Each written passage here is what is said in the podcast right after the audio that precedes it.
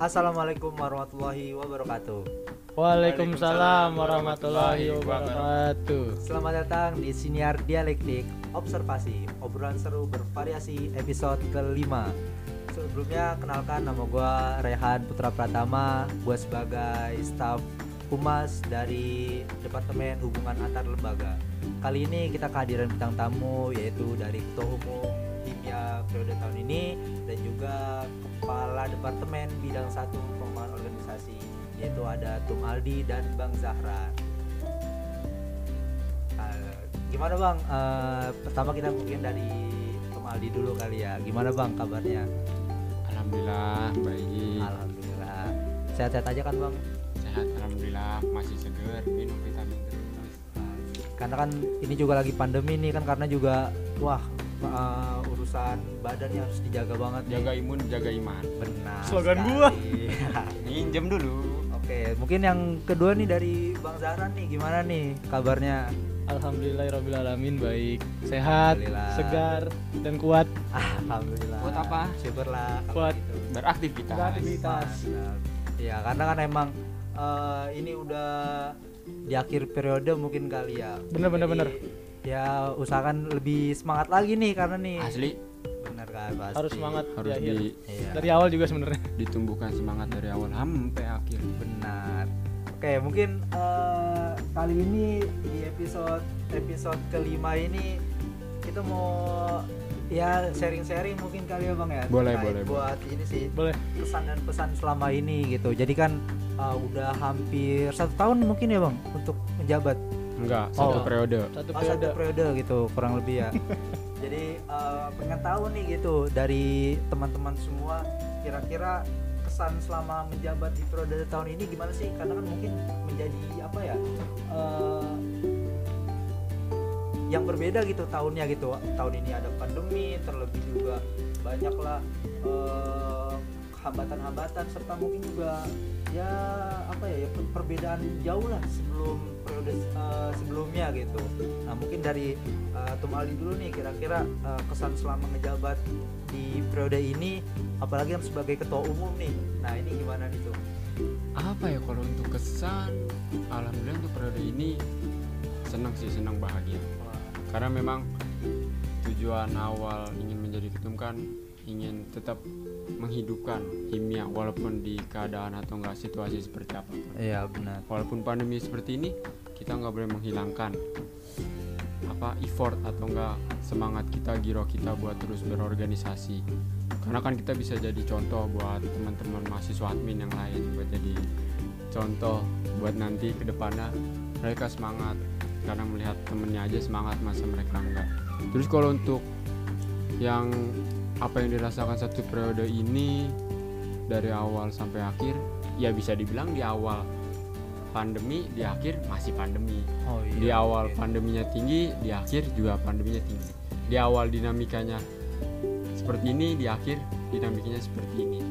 Ya kurang lebih di awal di akhir sama saja. Iya. Cuma mungkin ke sana di saat pandemi seperti ini jadi kita tahu bahwa eh, setiap orang itu mempunyai apa punya effort atau enggak semangat yang berbeda-beda. Jadi kita punya tanggung jawab buat meningkatkan semangat itu di pengurus iya. maupun di di pribadinya sendiri. Tentu kan apalagi juga- apalagi kalau dari setiap kegiatan dari setiap kegiatan dari setiap perencanaan. Dari perencanaan itu kan memang di awal itu wah sangat sulit. Karena kan satu Iya. periode ini nggak nyampe 12 bulan. Hanya Oh, berapa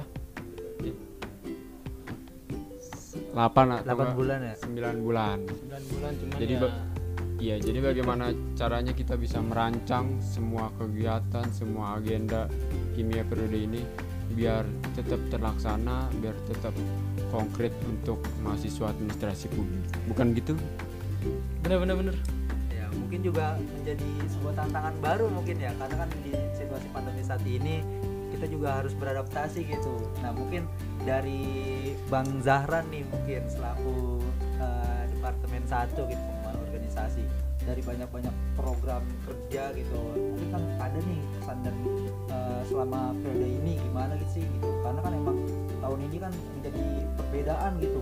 Kita dari metode sebelumnya offline menjadi online gitu bayangkan. Nah dari bang Zaran sendiri nih kesannya eh, selama periode ini seperti apa sih kira-kira biar kan banyak teman-teman pada tahu juga gitu seorang eh, bang Zahran eh, sebagai departemen satu itu seperti apa Ya mungkin di awal gue bakal jawab dengan pepatah ya. Kalau ada pepatah kan berakit-rakit ke hulu, berenang-renang kemudian. Tapi kalau di periode ini sih Renang-renang ke tepian bang. ya itu berenang-renang ke tepian. Tapi kalau sekarang sih kayaknya berenang-berenang terus nggak nyampe-nyampe ke tepian. Waduh. Jadi yang dirasain sih emang berat yang pertama. Karena eh, pandemi itu juga eh, di periode sekarang ini adalah periode yang eh, mencoba pertama gitu untuk survive di pandemi. Nah terus juga kalau misalkan dari masalah broker-broker ya kita sih dituntutnya tuh lebih untuk adaptif, kreatif. Karena kenapa? Karena kalau dibilang untuk menjalankan broker itu biasanya kan kita plan A, plan B nih, ini enggak plan A sampai Z. Bahkan masih bisa lebih dari Z banyak karena opsi, kenapa Bang, ya. iya karena apa ya yang nggak disangka-sangka tuh bisa muncul. Misalkan kayak entah itu masalah dari internal atau masalah dari eksternal. Dan dan pahitnya lagi dan pahitnya lagi itu ketika proker-proker gua nih kayak yang pertama waktu itu Aksara sama Iya. Mubes ini tuh bagiannya yang bener-bener berat. Karena kayak uh, yang pertama kalau dulu PSBB lagi gencar-gencarnya kalau sekarang PPKM lagi gencar-gencarnya. Ya tapi tetap sih ya alhamdulillah kita digembleng di organisasi ini supaya menjadi lebih baik benar. Karena emang kan kita juga nggak bisa apa ya ya stop sampai di sini gitu dengan ada kendala dengan Betul, adanya betul. pandemi seperti ini gitu.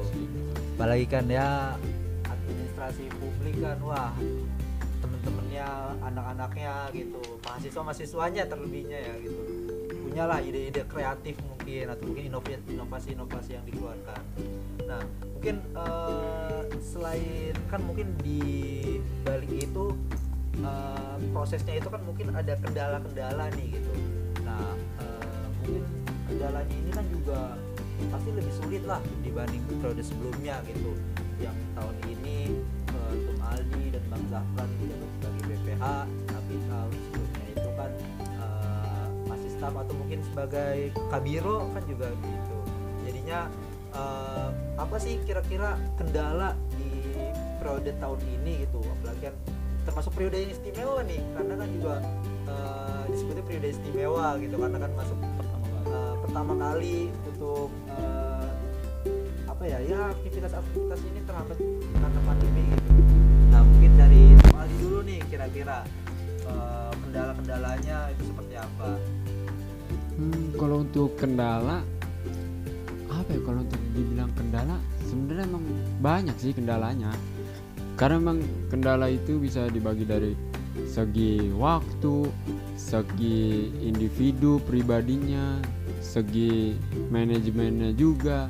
Banyak kendala-kendalanya. Jadi balik lagi ke pribadi masing-masing kalau untuk bisa mengatasi kendalanya. Apalagi kalau dibilang eh, dari awal punya kendala memang kita memilih untuk berproses berorganisasi di periode ini ya kita harus siap kendala apa pun yang akan terjadi saat ini ya begini adanya makanya kita udah memprediksi pengurus-pengurus saya udah memprediksi bahwasanya nanti ke depannya memang bakal banyak kendala-kendala yang harus siap di dihadapi sampai nanti di akhir di akhir pun kan masih ada kendalanya juga Iya. Terus apa kendala yang bisa dibilang banyak? Sebenarnya kendala itu balik lagi ke aturan sih, aturan. Makanya aturan dari pemerintah pusat di negara ini kan eh, ada larangan-larangan apalagi sekarang lagi pandemi Covid, otomatis larangan-larangan berkerumun, larangan-larangan keluar, terus larangan-larangan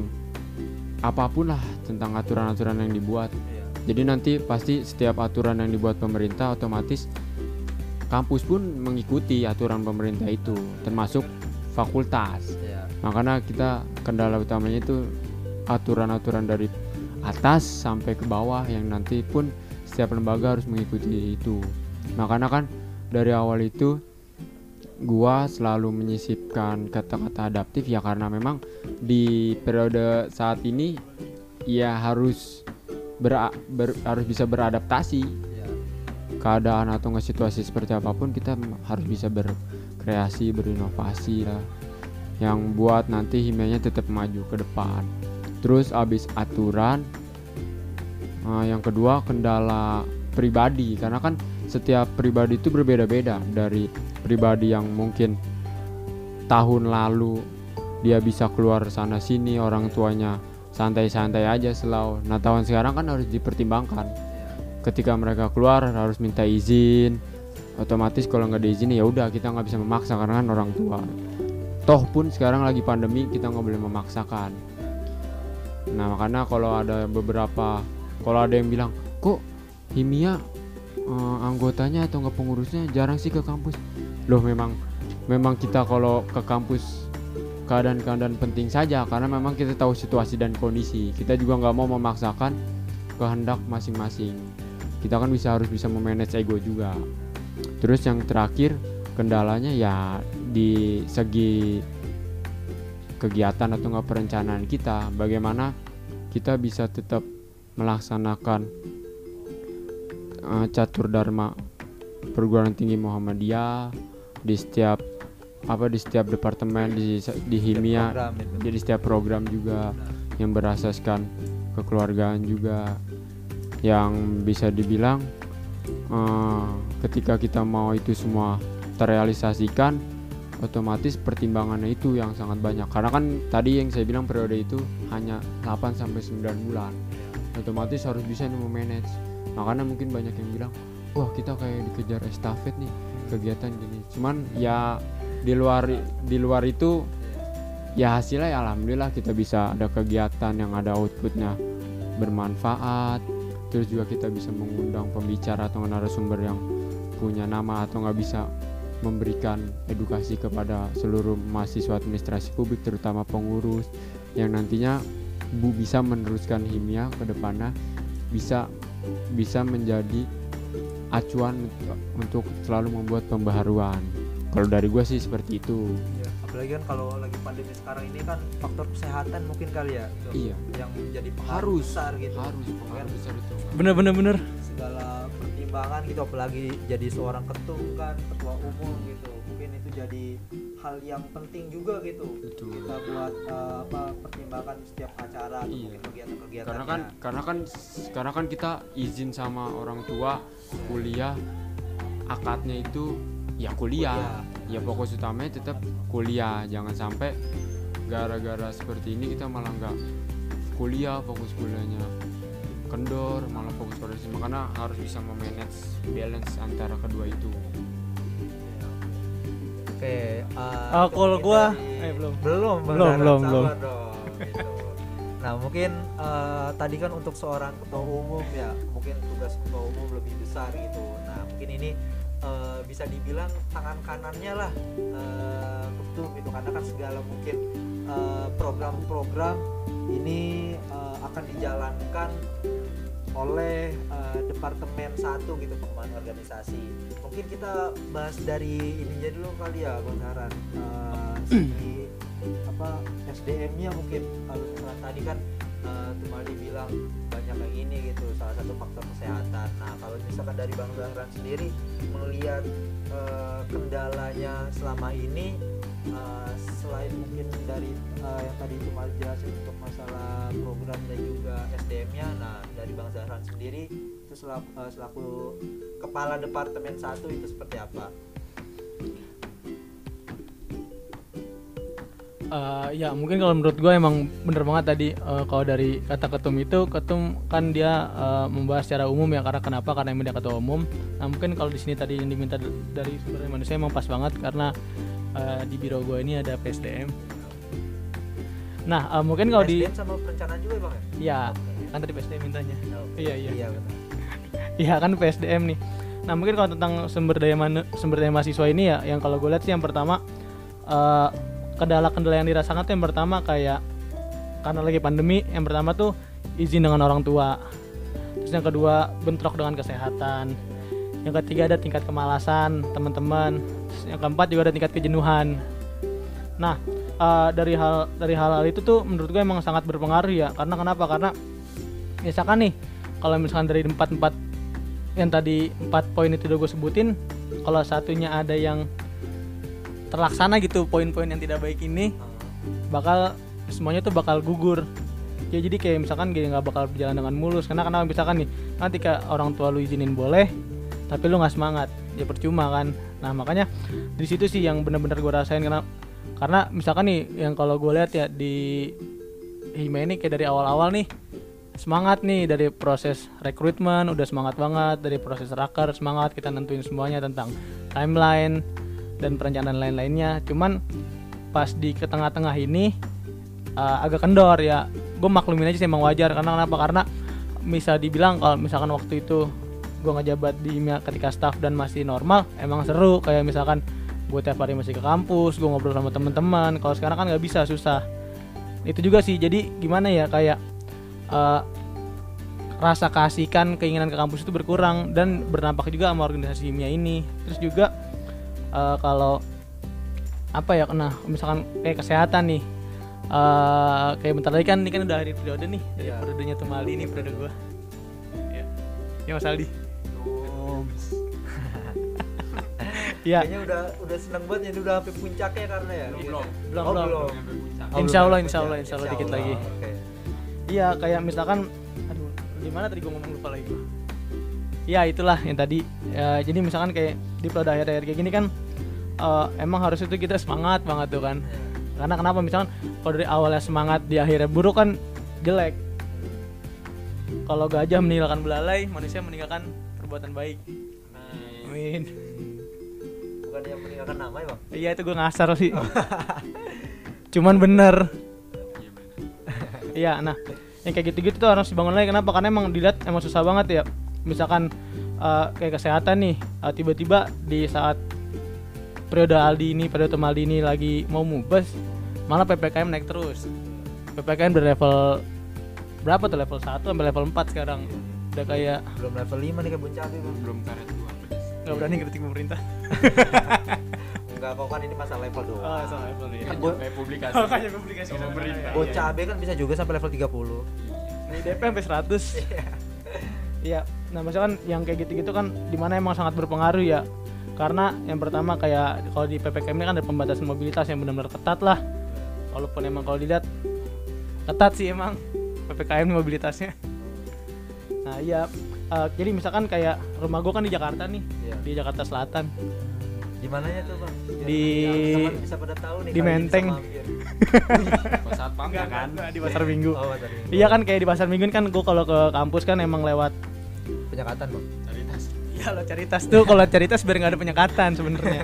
kan kalau gue lewat yang jalur-jalur konvensional atau jalan- jalur-jalur umum tuh ada penyekatan. Nah kan hal-hal kayak gitu yang emang bener-bener membatasi gitu. Karena ketika gue jalan, gue dari rumah semangat ada penyekatan gue harus muter-muter malah. Iya. Dan akhirnya pusing duluan gue udah bete. Benar. Nah terus yang kedua juga eh, kayak misalkan Nah eh, tadi yang udah diangkat sama Tumbal itu kayak masalah peraturan Di Masalah peraturan itu kan eh kita Peraturan yang di mana eh, kampus ngikutin peraturan pemerintah ya Nah itu emang berdampak banget nih sama inian gua Eh, Sama proker-proker dari Himia nih. Ini karena kayak misalkan eh, Kayak niat kita tuh ngebantu masyarakat secara langsung Cuman akhirnya terbatas dan kita nggak bisa all out lah membantu masyarakat. Ya paling itu sih kendala-kendala yang tadi yang udah gue sebutin yang emang benar-benar menurut gue berat dan emang benar harus diubah sih. Eh, kalau misalkan dibilang kendala mungkin kan di dalam prosesnya kan karena itu sampai akhir gitu. Setiap proses udah sama-sama dilewatin gitu mungkin eh, dari Bang Zahran dulu kali ya kan tadi Tumaldi udah. Kalau misalnya sekarang dari Bang Zahran lagi nih. Apaan tuh?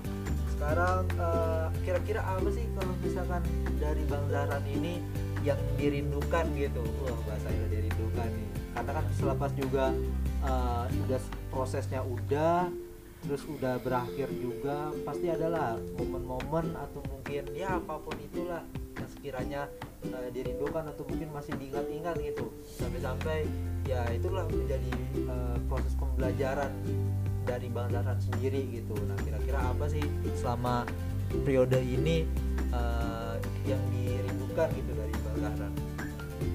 kalau di periode ini ya walaupun belum akhir periode ya sih emang dirindukan ya berprosesnya ini di, di himia karena kenapa karena emang bener-bener mentalnya dibentuk terus juga perilakunya dibentuk itu sih yang paling berkesan buat gua. Terus kalau yang lainnya sih ya paling sebenarnya sih kangennya ketika belum berorganisasi. Soalnya masih bebas nggak bercanda. Iya, ya enggak sih ya maksudnya ya kangennya di email kayak gitu. Karena kenapa? Kalau misalkan kayak ketika lagi di rumah nih terus kayak tugas kampus udah selesai.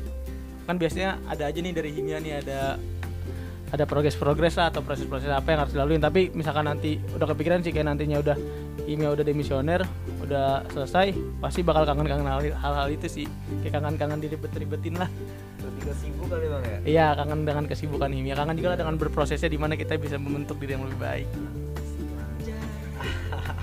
Mungkin bisa langsung lanjut aja ke Tumaldi boleh. Mungkin dari ketum Aldinya sendiri nih. Wah pasti mungkin dari prosesnya yang cukup panjang gitu selama satu periode. Terus juga ya susah susah senangnya mungkin banyak gitu ya. Ya pasti tentulah ada yang dirindukan gitu. Pasti bisa kalau untuk dirindukan apa nih untuk keadaan apa or- perorangan? Oh yang perorangan ada? Yang Enggak. dirinduin. Oh kira. Seorang ketum ini bisa aja nggak lah apa-apa. merindukan perorangan yang merindukan semua seluruh Oh, pengurus iya, benar, benar. seluruh pengurus BPH sekum staf sekum bendum staf bendum. Departemen 1 sampai depar sampai staf-stafnya. Sampai departemen 6 kabironya enggak tuh? Ya kabiro pokoknya seluruh Oh. BPH kimia fisik PMJ periode saat ini pasti akan gua rindukan. Karena memang kan eh, kalau nggak ada mereka gua nggak bisa bergerak sendiri. Apalagi mengurus satu organisasi besar. Se sehimpunan seperti ini kan pasti cukup besar apalagi kalau bergerak sendiri makanya gue bersyukur banget udah di di apa ya didampingi lah bahasnya oleh teman-teman gua dari angkatan 18 Ya, alhamdulillah. sampai 19 dari awal pemilihan pengurus sampai open recruitment pengurus itu kan tahapan yang sangat banyak makanya pasti akan dirindukan kalau untuk perorangan Iya. kalau untuk keadaan ya mungkin yang dirindukan keadaan itu eh, ketika satu waktu yang keadaan seperti ini yang padahal bisa dibilang keadaan yang harus bisa adaptif pasti kan sulit lah untuk kita bertemu tatap muka langsung membahas rapat membahas apa pun itu pasti susah. Terus ketika ada satu waktu kita bisa rapat bareng di dalam sekre eh, berdiskusi bareng menentukan satu kegiatan atau enggak satu progres lah yang buat nanti ke depannya itu sih bakalan dirindukan. Kesibukan apa tuh selang apa tuh eh, kesempatan waktu untuk bertemu langsung buat sama seluruh pengurus. Untuk itu. Terus juga eh, yang dirindukan mungkin ketika kita berpusing-pusing atau nggak bersusah payah untuk melaksanakan satu kegiatan. Karena kan itu nggak mungkin satu atau nggak dua orang yang memikirkan merancang atau nggak memproses satu kegiatan itu otomatis kan seluruh pengurus simia seluruh BPA itu otomatis ikut turun langsung untuk berpikir Iya. untuk berpendapat untuk bagaimana nih caranya kita buat satu tujuan untuk menjadikan kegiatan itu sukses dan maju terus juga kalau yang terakhir mungkin yang dikangenin ya karena memang kan dari awal itu taulah Zahran atau nggak Jono? Proses awal gue itu seperti apa sampai ke titik sini? Enggak enggak enggak tahu. It- itu gimana tuh? Wah ini mah panjang nih bisa wah bahas. bisa Nggak- episode selanjutnya kali ya? Sampai Jangan. episode 20 mungkin kayaknya. bisa nanti periode selanjutnya dipanggil Oke. buat membahas prosesnya. Boleh boleh boleh. Dijadiin opsi itu ya ntar. Assalamualaikum bang Aldi. Nah, yang dilindungin ya itulah paling apa rancangan-rancangan dari setiap pengurus pendapat-pendapat setiap pengurus yang bisa kita realisasikan bareng. Terus setelah kegiatan kita mungkin merasa lega dengan kegiatan kita yang alhamdulillah bisa dibilang sukses dengan dengan pemateri, pembicara atau narasumber yang kita mau dan mereka datang. Itu sih paling yang nanti akan dikangenin sama kesibukan-kesibukan yang tadi Zahran bilang yang Jono bilang konkret itu Oke, eh, mungkin tadi kan udah bahas mungkin ya tentang kerinduan gitu. Terlebih juga sekarang itu udah di akhir periode nih. iya udah di ujung Apalagi kan juga apa ya? Ya estafet eh, kepemimpinan ini pasti ada dong udah gitu kan eh, nanti eh, prodi selanjutnya dari teman-teman eh, 9 angkatan 2019 sama 2020 gitu yang jabat nah mungkin kira-kira ada nggak ya eh, harapan gitu untuk kimia ke depannya nih? Karena mungkin kan segenap banyak pengalaman dari Tumaldi dan Bang Dahlan gitu eh, dalam apa ya ya kesertaan gitu untuk eh, sama-sama memajukan kimia gitu hingga saat ini. Nah kira-kira ada nggak nih harapannya untuk ke depannya mungkin dari Bang Dahlan dulu kali ya. Iya iya bisa bisa biar biar ketum ketum Aldi nanti terakhir nih. Iya, biar Biasa ketum memang gitu. harapannya besar banget nih pasti. Biasanya nyapu bersih di terakhir tuh. Nyi- nyiram. Ya eh, mungkin kalau harapan dari gue ya buat timnya eh, yang pertama sih ya kayak biasa-biasa aja lah. Maksudnya kayak lebih baik lagi. Cuman eh, lebih baik ini kan harus diperjelas gitu rinciannya ada. Karena kenapa? Karena kita kan dari setiap melakukan kegiatan ataupun proker kan kita ada yang namanya evaluasi. Nah dari situ di evaluasi itu ya kita harus jangan sampai evaluasi itu kita evaluasi lagi di evaluasi selanjut selanjutnya jadi gimana tuh? Evaluasi evaluasi evaluasi. Iya. ya pokoknya himia lebih baik lah. Terus juga eh, ya bisa lah himia juga eh, lebih merangkul teman-teman teman-teman yang non organisasi yang non himia dan dalam arti kata eh, dia bukan BPH bukan badan pengurus gitu ya. apatis. Enggak enggak apatis nggak boleh gitu. Ada yang apatis. Ada. Iya mungkin ya kayak gitu aja sih. Kalau gue sih ya pengennya apa yang sudah dievaluasi tidak dievaluasi lagi di kemudian hari karena ya percuma kalau kayak gitu namanya ya bisa lah itu Ya harus- dilakukan Ya harus ada perubahan lah ya Iya, perubahan yang lebih baik. perubahan lebih baik tentunya iya. baruan Ya, terus juga ingetin aja kalau emang nanti ketika berproses ada jalan yang tidak lurus, emang gak enak juga kalau jalan lurus-lurus doang harus ada belok-beloknya. Ya, udah nih lanjutnya tim Aldi. tantangan kali ya Bang Jono Iya, harus ada tantangan hidup nggak gini-gini aja. Nah mungkin dari Tung Aldi nih harapannya nih tentu pasti harapannya besar dong untuk uh, dunia ke depannya gitu. Nah silakan dari Tung Aldi nih. apa ya kalau untuk harapan sih ya mungkin kalau yang tadi Jaran bilang harapannya kimia lebih baik lusa lebih bagus lebih maju ya itu mungkin harapan-harapan yang universal lah, harapan-harapan umum Iya. jangankan organisasi nilai juga nilai kuliah maunya seperti itu baik Oh. harapannya Lulus nilai tiga setengah baik tahun tuh. enggak Oh. Insya Allah ya. realistis Insya aja Allah. nggak mau lulus Oh. setengah tahun Ya gimana lanjut? Kalau untuk harapan sih di himia mungkin ke depannya ya kalian bisalah nanti buat misalnya yang memegang tongkat estafet himia selanjutnya bisa coba eh, mengevaluasi besar periode saat ini periode saat ini kan mungkin nggak mungkin lah setiap organisasi setiap apa setiap apa pun itu nggak ada kekurangan pasti ada kekurangan. Mungkin dari dari evaluasi itu nanti bisa dinambah nih mana kekurangan dari periode lalu yang bisa kita betulkan bisa kita bikin pembaruan. Terus juga kalau yang dari mungkin harapannya kalau kalau dari gue kan yang gue ketum ya Ya. mungkin berharap nanti ketum selanjutnya bisa lebih apa ya lebih sabar ketika menghadapi keadaan atau situasi seperti ini karena kan kalau nanti nggak bisa apa nggak bisa mengontrol kesabaran otomatis bakal susah bakal sulit karena kan ketika kepala aja nggak sabar otomatis bawahannya bakal barbar. Asik. Baru dapat Ini belakangnya bar ya. terus? Terus? Harapan buat departemen-departemennya lah itu mungkin nanti bagaimana kepala itu bisa mengakomodir pilihan pilihan dia buat bisa mendampingi sampai akhir. Karena sulit ketika nanti uh, kepala memilih orang-orang yang susah diakomodir atau enggak susah dia rangkul nanti jatuhnya malah uh, ada yang niat ada yang enggak ada yang ada yang pengen ada yang tidak. Ntar ada yang effort di awal kencang tapi ntar di belakangnya enggak. Harus bisa juga sih me- apa memberikan porsi-porsi prioritas setiap setiap anggota atau setiap pengurus. Karena kan itu pasti skala prioritas itu penting. Ketika skala prioritas itu penting otomatis ya nanti jalannya himia ya tergantung bagaimana pengurus itu Iya. memprioritaskan himia. Karena kalau sudah di himia ya udah prioritasnya ke himia aja.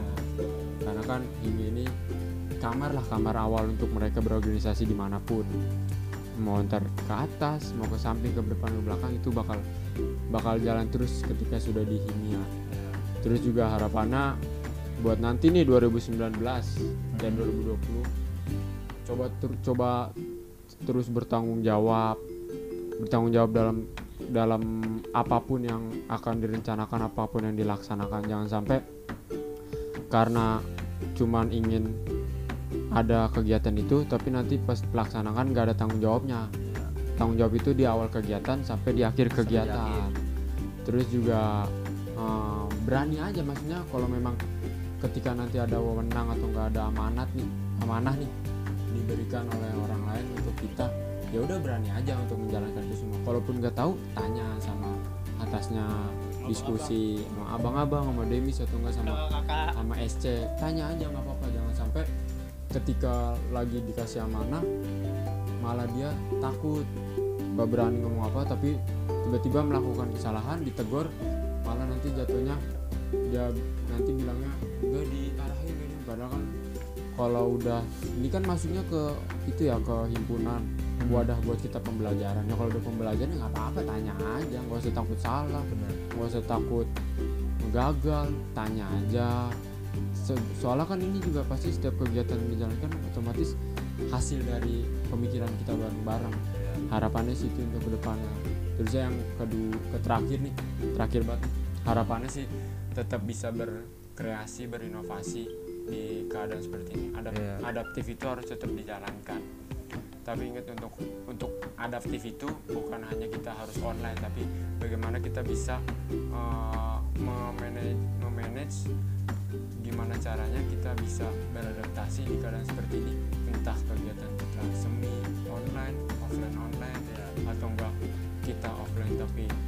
bisa atur sesuai peraturan pemerintah. Pokoknya bagaimana caranya kita bisa beradaptasi dan buat nanti ke depannya ini ya itu sih kalau dari gua. Oke berarti eh, kalau salah bangkit lagi ya. Kalau Yes. eh kalau salah eh, coba lagi. Iya. kalau jatuh bangkit lagi. Nah, mungkin mungkin untuk yang terakhir tadi kan sempet nih ngebahas tentang eh, sekre gitu. Nah mungkin dari Tum Aldi atau mungkin Bang Zahran satu kata karena kan ini di akhir periode mungkin ya mungkin ya untuk eh, sekre ini mungkin ya selalu ada gitu atau mungkin ada kenangannya gitu. Mungkin satu kata ya gitu untuk sekretariat kimia itu apa? Satu kata. Mau dari siapa dulu? Terserah. Dari Tumaldi dari satu kata. Satu kata. Rumah. Uh. Sadis. Lebay dari sih. dari bang Zaran apa nih untuk satu kata untuk sek sekre? Proses. Uh, berat. Oke. Oke teman-teman mungkin uh, itu aja untuk podcast kali ini yaitu siniar dialektik observasi obrolan seru bervariasi episode kelima. Uh, terima kasih nih untuk uh, kehadirannya dari Tumaldi dan juga Bang Zahran jangan gitu. lupa ngundang-undang lagi lah. Sama-sama. Asik. Ntar ya nanti kita tunggu aja episode berikutnya. emang Rete jadi apa Aduh. Eh, Rehan jadi apa udah stop lah Aduh. Oh, iya, iya. close close jadi apa adanya Jadi apa adanya. jadi kayak lu jangan Oke, eh, mungkin itu saja teman-teman semua. Terima kasih nih eh, Tumaldi dan Bang Zahran. terima juga. kasih kembali terima Ya, kasih Sama-sama, mungkin eh, tadi dari kesan-pesan udah gitu juga yang dirindukan, kendala dan juga hambatannya eh, serta harapan mungkin ya gitu. Eh, jadi apa ya ya pembelajaran buat teman-teman semua gitu nanti ke depannya juga seperti apa gitu. Terlebih juga dari teman-teman 2020 gitu yang baru ingin mulai prosesnya gitu. Kan ini juga bagian dari eh, cerita-cerita proses dari Bang Zahran dan juga Lembaran baru lembaran baru iya iya iya iya oke mungkin itu saja eh, dari gua eh, selaku staff uh, humas dari Departemen Hubungan Antar Lembaga. Uh, terima kasih atas ya waktunya untuk bisa mendengarkan podcast ini walaupun ya begini apa adanya tapi ya intinya ada apanya ada apanya? Apanya? Kalau kata Mardigo Ini ada daging ilmunya, semua. Ada ilmunya. Daging. Ada ilmunya. pokoknya kontribusi terus bermanfaat Benar. Oh, ada terusnya. terus bermanfaat Uh, Oke sekian dari gua Uh, kurang lebihnya mohon dimaafkan. Wassalamualaikum warahmatullahi wabarakatuh. Waalaikumsalam warahmatullahi wabarakatuh